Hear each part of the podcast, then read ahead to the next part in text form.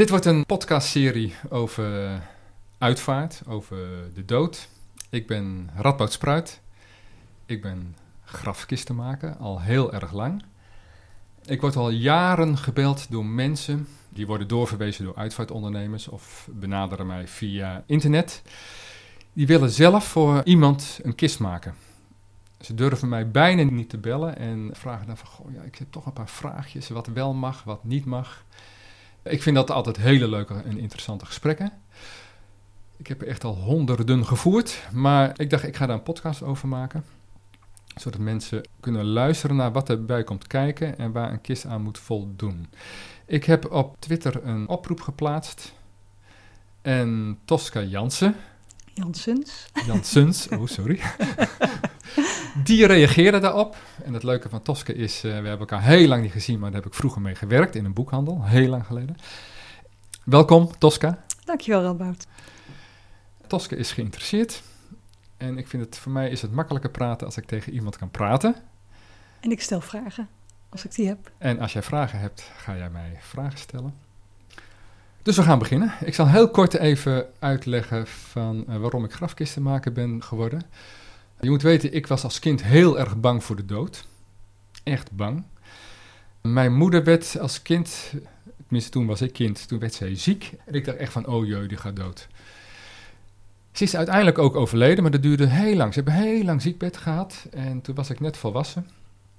Dat vond ik allemaal heel erg spannend. En, uh, maar wat bleek, het, het was natuurlijk niet leuk dat ze dood was, maar het was niet eng. Ik vond haar dode lichaam ook niet eng. Was de eerste dode die ik ooit heb gezien. Alleen de kist waar ze in kwam, die vond ik heel erg lelijk. Die hebben we zelf gedragen. Dat dragen deed pijn aan mijn handen. En ik dacht toen van, ik ga ooit voor mezelf een andere kist ontwerpen. Nu had ik een heel ander beroep, maar dat was wel een idee wat altijd in mijn hoofd bleef. Dus ergens in de jaren negentig, toen ben ik aan die kist begonnen. En vanaf het moment dat ik eraan begon, toen dacht ik van, wow, dit is bijzonder om te doen. Misschien moet ik kistenmaker worden. Toen de eerste af was, uh, nou, al wel de eerste. De eerste ging in de houtkachel, de tweede ging in de houtkachel, de derde. Tot ik eentje had van, ja, deze is echt mooi. Toen dacht ik, ik ga hem verkopen. Nou ja, dat was nog een hele kunst. En was je nou eigenlijk al handig met hout en zo voordat je eraan begon? Of? Ja, ik heb geen opleiding. Maar nou, dat is het. Ik ben eigenlijk gewoon handig. En ik heb, mijn opa was timmerman, dus het zit ook een beetje in mijn bloed. Maar ik ben gewoon handig. En ik ben gewoon begonnen. Dus dat zeg ik ook altijd uh, voor mensen van die een kist willen gaan maken. Uh, daar zeg ik al over van, nou, dat is heel makkelijk. Hè, als je maar een beetje handig bent, dan kan iedereen een grafkist maken. Dat is ja, het is vrij recht toe recht aan. Je kan het zo moeilijk en makkelijk maken als je wilt. Mijn eerste kist was een kokon. Er zat geen recht stukje aan, dus daar heb ik echt maanden en maanden over gedaan. Die was heel erg moeilijk, maar ik vond het belangrijk dat die heel mooi zou worden. Maar een, een, een recht toe recht aan kist kan ook heel mooi zijn. En, uh, nou, daar ga ik dus nu iets over vertellen, want inmiddels ben ik al, nou, al meer dan 20 jaar mijn fulltime kistenmaker. Eigenlijk, laat ik in het algemeen zin zeggen van de regelgeving rond de dood is in Nederland heel erg eenvoudig. Dat is belangrijk om te weten, want in elk land is dat heel anders. Wat bij de dood geldt is van als iemand overlijdt, de regelgeving zegt eigenlijk alleen maar van, nou de dood moet vastgesteld worden, dat doet een arts. Er moet aangifte worden gedaan bij de gemeente en binnen zes werkdagen moet iemand begraven of gecremeerd zijn. Dat is eigenlijk alles. Heel eenvoudig uitgelegd. Hoe je iemand vervoert, mag je helemaal zelf weten. Of je iemand in een kist doet of gewoon op een brancard of op een plank. Het gaat erom dat die persoon of in het graf komt of in de oven komt. Je zou dus zelfs zonder kist dus mee. Ja, zonder kist. En dan, uh, maar ja, denk er bij, uh, maar bij na. Als je een, kijk, begraven kan je nog iets bij voorstellen. Je kan iemand dragen op handen, lopend naar een begraafplaats en daar in de kuil leggen. Maar een oven, een crematieoven, dat, dat, dat is al ingewikkelder. Dan moet hij op zijn minst op, op, op, een, op een baren liggen, op een plank, ja. die makkelijk de oven ingaat. Dus eigenlijk, een kist is eigenlijk niks meer dan een omhulling van een lichaam. Om het makkelijk te vervoeren en de laatste plek te geven. Ja, en misschien ook um, omdat je niet altijd wil zien wie er in de kist ligt. Maar je hebt natuurlijk ook open kisten. Ja. Sommigen hebben open, anderen hebben dicht ja. of half open. Ja.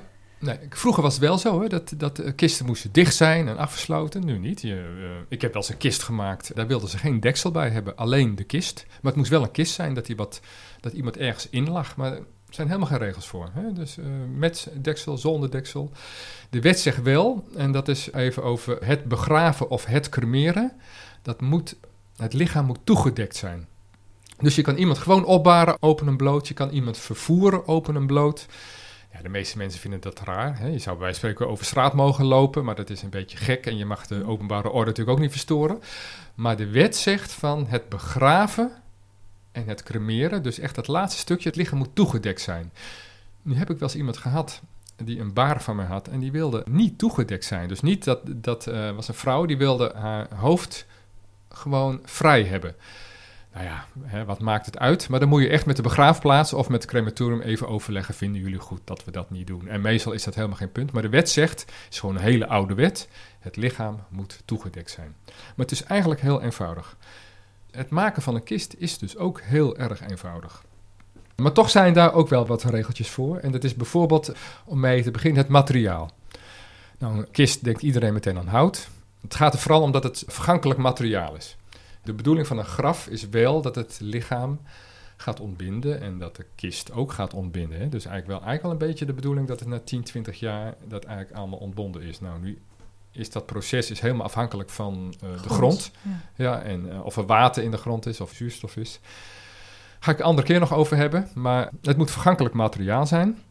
Nou, voor een crematorium, daar is dat wel echt een ding, het materiaal. Hout is brandstof. Hè. De crematoria in Nederland die werken op gas. Zo wordt een lichaam verbrand.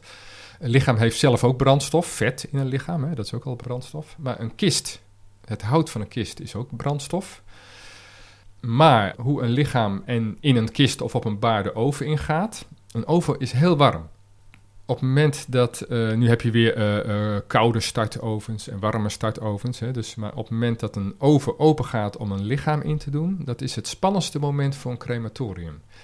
En dat duurt, ja, in seconden weet ik het geen eens precies, misschien duurt het maar 15 seconden of zo meestal, soms handmatig wordt een kist erin gedaan, maar vaak automatisch via een liftsysteem of via een pusher. Dan schuift een steun de kist naar binnen. Dat is een heel gevaarlijk moment, zeker als die oven heel warm is.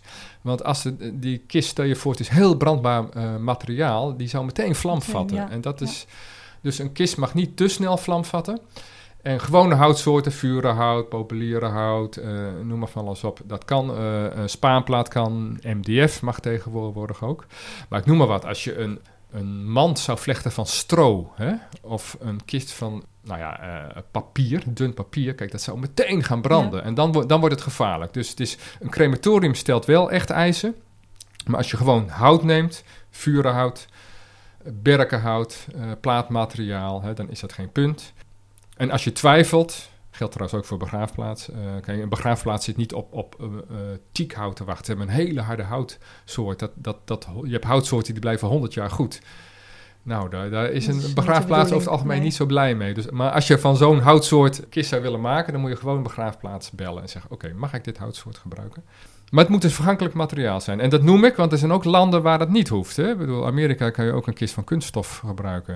Hè? Echt waar? Maar ja. dan die, die vergaat, vergaat niet. niet. Nee, die vergaat niet. Maar dan koop je gewoon dat graf voor honderden jaar. In sommige landen, uh, was vroeger hier ook, had je een graf voor eeuwig. Nu weet ik niet hoe dat in Amerika is hoor, maar ongetwijfeld zullen ze dat ook hebben.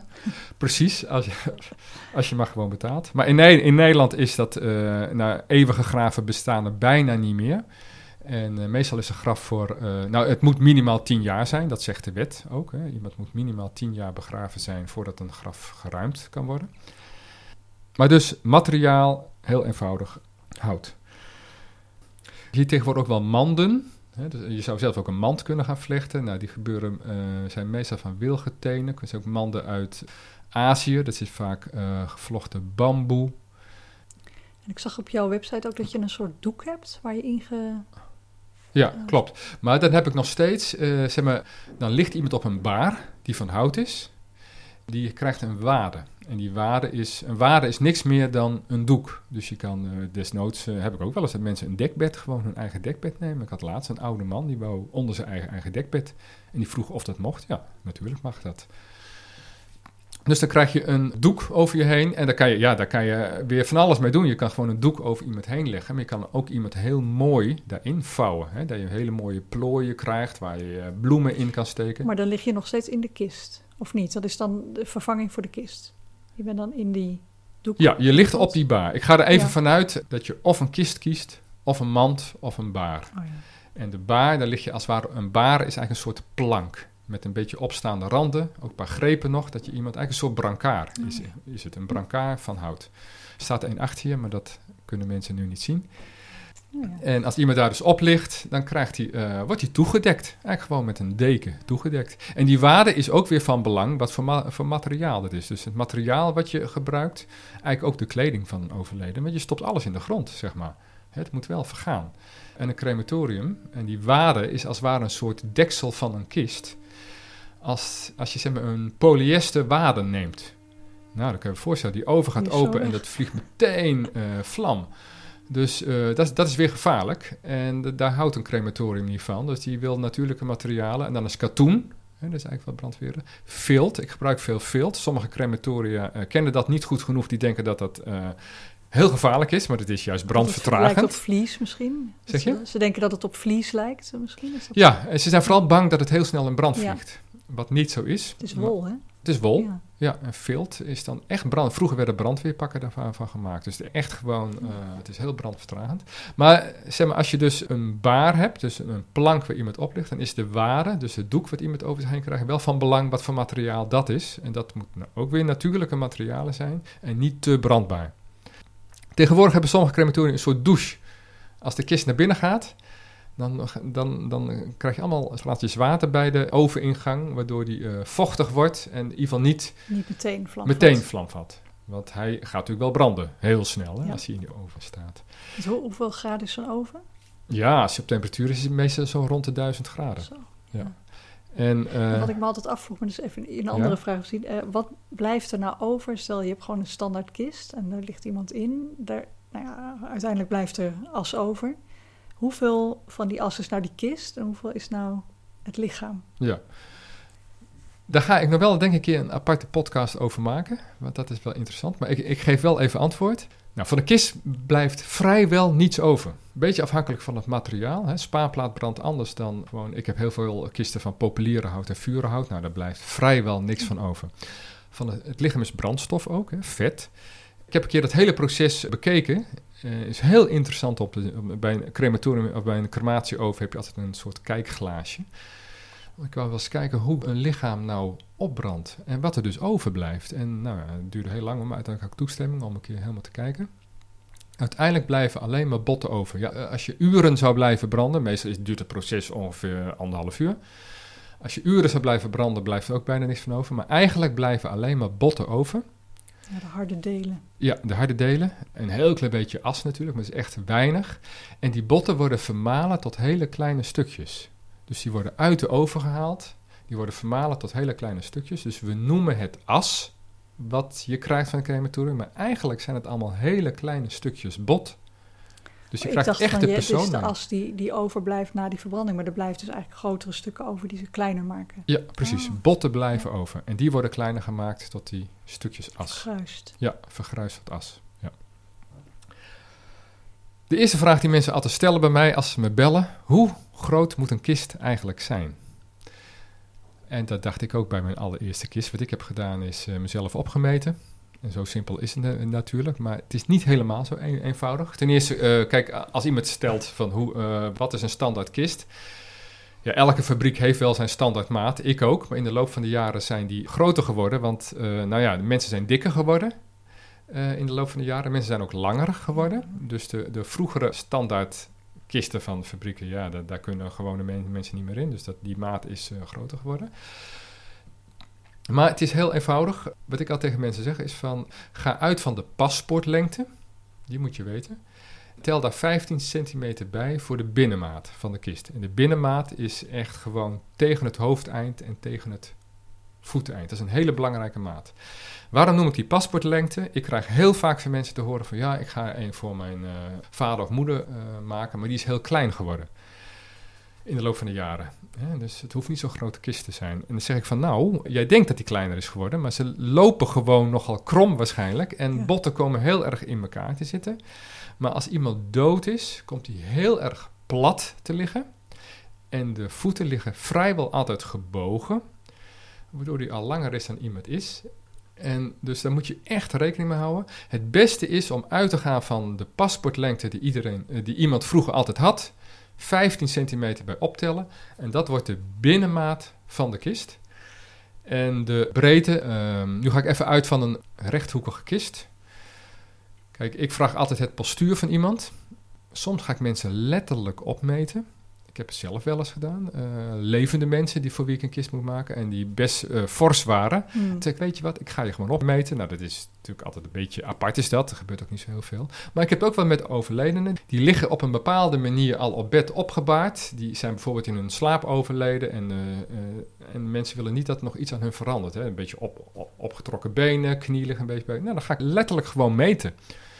En, Weet eh, je alleen de lengte of ga je dan ook de breedte? Nee, dan ga ik ook de breedte. Je hebt bijvoorbeeld eh, zo'n knieën die uitsteken. Kijk, normaal gesproken legt iemand gewoon ja, als een soort slaaptoestand. Maar omdat ik dat wel eens heb, en zeker ook bij jonge mensen die eh, dat ouders hebben van kinderen van, oh, maar ik wil, hij ligt er zo ontspannen bij. Ik wil dat hij zo blijft liggen. En dan heb je wel eens dat knieën opgetrokken liggen. Of dat mensen ook wel ziektes hebben gehad, dat ze niet meer plat kunnen liggen. Hè? Dat, dat een kist extra hoog moet worden of toch extra breed, omdat benen heel breed liggen. Maar dan ga je letterlijk meten. Maar normaal, ik ga even nu uit van de, de meest gebruikelijke toestand. Dan ligt iemand gewoon in een soort eh, slaaptoestand, zeg maar. Komt hij uiteindelijk in een kist of op een baar te liggen. En dan, als je dan de binnenmaat neemt van de kist maar, van 55 centimeter, kan een normaal iemand gewoon in. En als iemand echt heel erg fors is, heel ste- stevig, dan maak je hem breder. Maar die maat is wel heel erg belangrijk, want iemand moet nog wel in een graf passen. Ja. En iemand moet nog wel in de oven passen. En die hebben ook beperkte eh, maten. Als iemand echt heel erg dik is, die past soms niet in een gewone crematieoven. En dan heb je tegenwoordig ook wel een paar ovens in Nederland die zijn extra groot. En dan moet je voorstellen, de breedte is meestal 90 centimeter van, van, van een oven. Dus dat is, nou ja, maar ja, het zijn ook mensen die zijn gewoon breder. Heel kort samengevat dus, eh, je hebt die paspoortlengte plus 15 centimeter. Postuur, normaal postuur doe je 55 centimeter. De hoogte, de binnenhoogte. Nou, als je. eh, ik hou niet van hele hoge kisten zelf. Vind ik gewoon niet mooi. Dus als ik. Ik heb ook één rechthoekige kist. Ik heb verschillende ontwerpen, maar ook een rechthoekige kist. En die heeft een binnenhoogte van eh, 36 centimeter. Nou, dat is hoog genoeg voor een normaal iemand. Je kan een paar centimeter erbij doen, 40 centimeter. Maar ja, 50 centimeter. Me- Mensen maken wel eens kisten van 50 centimeter hoog. Dat is best heel erg hoog. En, eh, en Ja, te dan hoog mag ook niet. Ja, en ja, ik vind het er niet mooi uitzien. Maar iedereen bepaalt zelf wat mooi is. Dus dat maakt helemaal niet uit. Maar wat ook heel erg belangrijk is, is voor de maat. Dus als je een beetje toch een uitzonderlijke kist gaat maken, misschien door de vormgeving, maar misschien ook omdat je een heel fors iemand hebt, dan ga je de hele route ga je eigenlijk doornemen die de kist gaat afleggen. Ik heb wel eens in mijn, we zijn nu in de werkplaats. Ik heb als kist voor echt een, een heel groot iemand gemaakt. En die wou heel breed in zijn kist liggen. En die wist dat hij niet lang meer te leven had. En die kwam naar de werkplaats en was heel emotioneel. En zei, ik wil een hele grote kist. En dat... Ik lees op internet dat ze maar 60 centimeter breed mogen zijn. Maar ik wil met mijn armen on- onder, mijn, eh, onder mijn hoofd liggen. En mijn ellebogen zo, eh, eh, zo naar buiten. En zo wil ik in mijn kist liggen. En, en ze zeggen dat dat niet kan. Ik zeg, nou, nou dat kan best. Natuurlijk kan, kan dat. Dat zijn helemaal geen regels voor. Maar hij wordt nogal breed. En als ik die kist ga maken, ik kan zo'n brede kist maken, maar hij moet nog wel zo meteen door de deur kunnen. En hij Ja. moet ook in de auto komen waar ik hem mee ga vervoeren. En, en word je begraven of gecremeerd? Nou, hij werd begraven. Ik zeg, ja, kijk, je kan een dubbel graf nemen, maar ja, dan moet je wel twee keer zoveel betalen.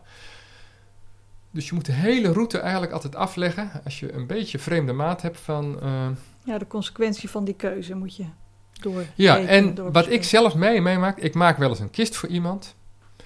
Of ik heb een standaardkist, maar zeker als ik er van tevoren voor iemand maak, dat ik hem op, maat heb gemaakt. Dan kom ik wel eens bij iemand thuis, Amsterdam, drie hoog achter. En denk ik, kom ik binnen en denk ik, oh, als ik deze kist 3 mm of soms 2 mm smaller had gemaakt, had hij net door de deur gekund. En nu moet hij op zijn kant. krijg hem wel binnen. Als ik van tevoren had geweten hoe breed die deur was.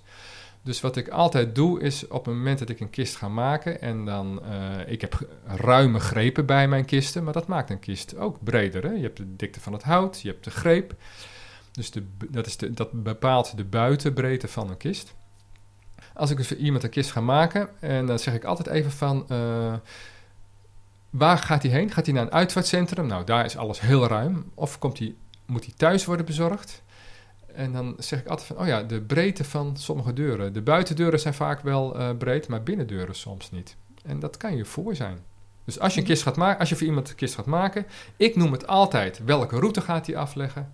Hebben we nog rare kronkels? En bochten. Bochten. Nou, bochten, ja, daar kan je soms niks aan doen. Ik had dat een paar weken, weken geleden voor iemand. En toen hebben we de kist op afstand gebeurde dat. Zij gingen in een flat en dan moest allemaal uh, heel moeilijk. En nou ja, het was een kleine vrouw, dus ik heb de kist echt een stuk korter gemaakt. Iets smaller, ze was, was heel slank. Op hoop van zeker. En het paste allemaal op de millimeter. Dat was zo geweldig. Dus je kan het voor zijn, maar bochten is soms, is soms gewoon niet anders. Soms moet een kist met iemand erin overeind. He, dus helemaal geen punt. Een lichaam kan daar tegen. Maar soms kan je, kan je er niks aan doen. Maar je kan dus heel veel voor zijn. Voor het maken van een kist gebruik ik altijd 18 mm dik hout. Je mag het zelf weten hoe dik, het doet, maar zo, zeker de bodem.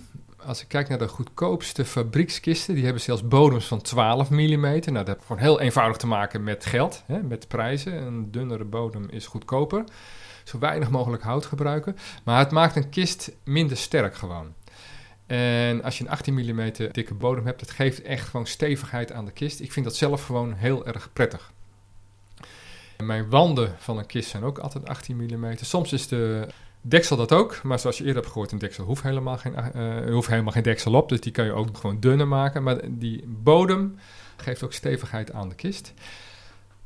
Het is ook handig als de bodem vlak aan de onderkant is. Dat hoeft niet. Nergens staat in de wet dat een bodem vlak moet zijn. Maar het crematorium vindt dat wel heel erg prettig. Want een vlakke een kist. Je bedoelt dat er geen pootjes onder zitten? Of zo? Ja, Duitse kisten bijvoorbeeld, die hebben pootjes.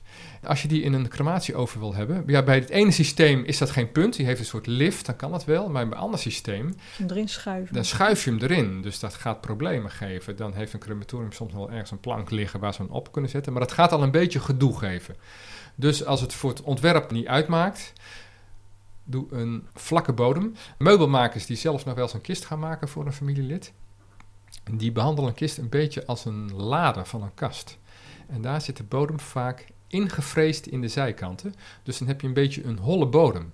En voor een crematorium is dat onhandig. Voor de rouwauto, als je die gebruikt, hoeft niet, je kan iemand in je eigen auto vervoeren, is het ook een beetje onhandig, want hij glijdt niet zo mm. makkelijk. Maar dat is natuurlijk geen punt. Voor die oven uh, de crematoriummedewerker, de ovenist heet die in een crematorium, die de, oven, die de kist in de oven moet zien te krijgen, die heeft een probleem dan. Hè? Dus die zadel je met een probleem op. Dus het is handig als je een vlakke bodem hebt.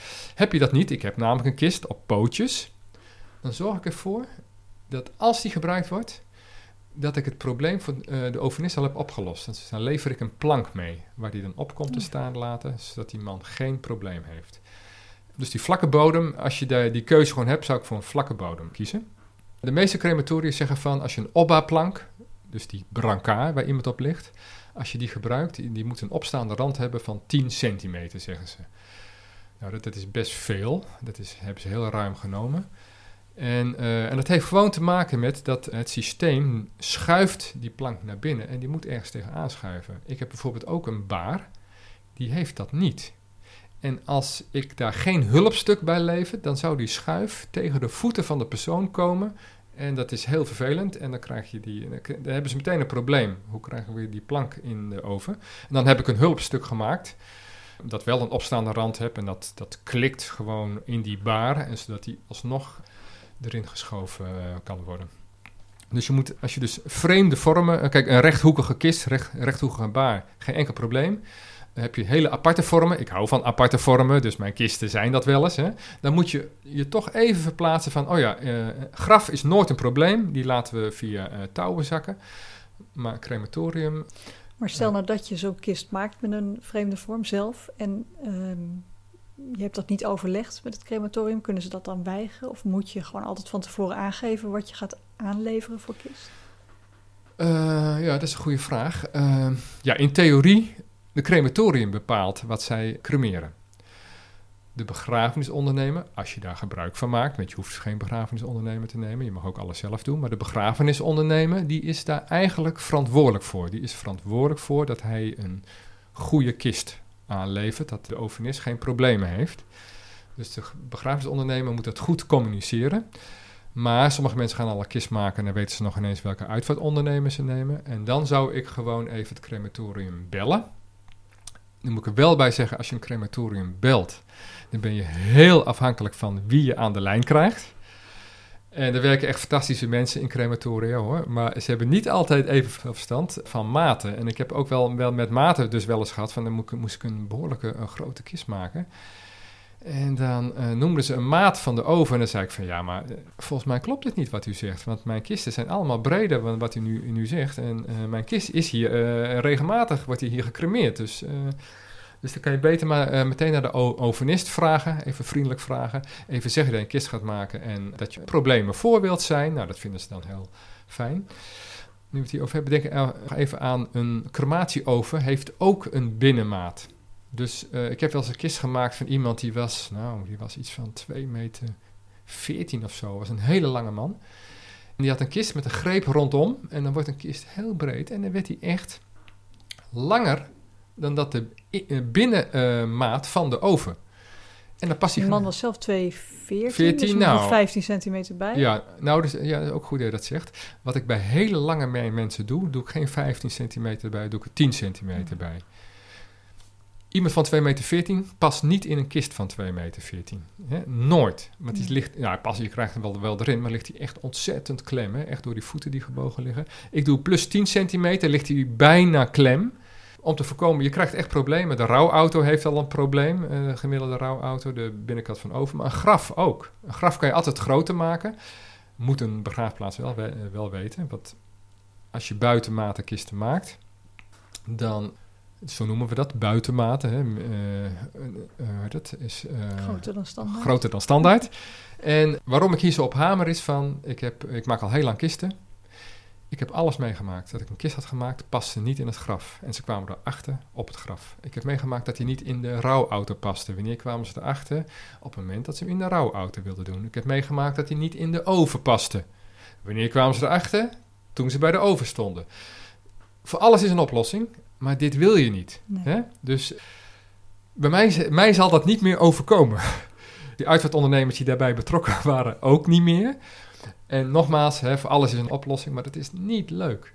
Dus daarvoor blijf ik erop hamen van... Uh, denk na, gebruik je gezond verstand, hele route. Graf heeft een, een standaard graf, heeft ook uh, standaard maten. Ja, en, en wat die over, die, die, er was dus wel nog een over die langer was. Maar die was ergens anders waarschijnlijk. Nee, nou in dat geval, wat we toen hebben gedaan... en toen kwamen we er een dag van tevoren achter... En dat had ik een hele bijzondere kist voor iemand gemaakt. En die kist was eigenlijk een, bewust gekozen door degene die overleden was. En de kist was eigenlijk het decorstuk van zijn uitvaart. Hij, had, hij was regisseur ook van, van beroep. Ik heb toen voorgesteld om hem zo lang mogelijk in zijn kist te houden. En bij de oven heb ik hem zelf uit de kist gehaald, in een andere kist gedaan. En toen paste hij wel. En hij paste niet, om die was een, heel, was een kokonvorm en, en, en heel hoog daardoor. En hij kon gewoon niet door dat gat naar binnen van uh, de oven. Dus ik heb hem gewoon eruit gehaald. Of gewoon. Hè, uh, maar dit wist je van tevoren, dus je had Een dag van, van tevoren. maar ja, de, uh, stel je voor, dat is ook geen prettig idee. Nee. Van, dat wil je niet als nabestaande. Nu waren dit hele makkelijke mensen die dat eigenlijk voor het verhaal ook wel heel mooi vonden. En, maar dat wil je natuurlijk voorkomen. Dat, dat, dat, iemand weer uit de kist gehaald moet, moet worden. Kijk, voor mij maakt dat totaal niet uit. Ja, je kan alles voorkomen. Vandaar hamer ik op de route van de kist. Helder.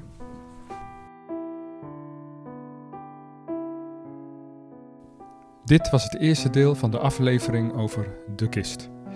Het tweede deel wordt een direct vervolg op dit laatste gesprek. Heeft u vragen of wilt u een reactie geven, wat ik heel leuk zou vinden? Doe dit dan via de site grafkist.nl of via de site zelfuitvaart.nl. Bedankt voor het luisteren.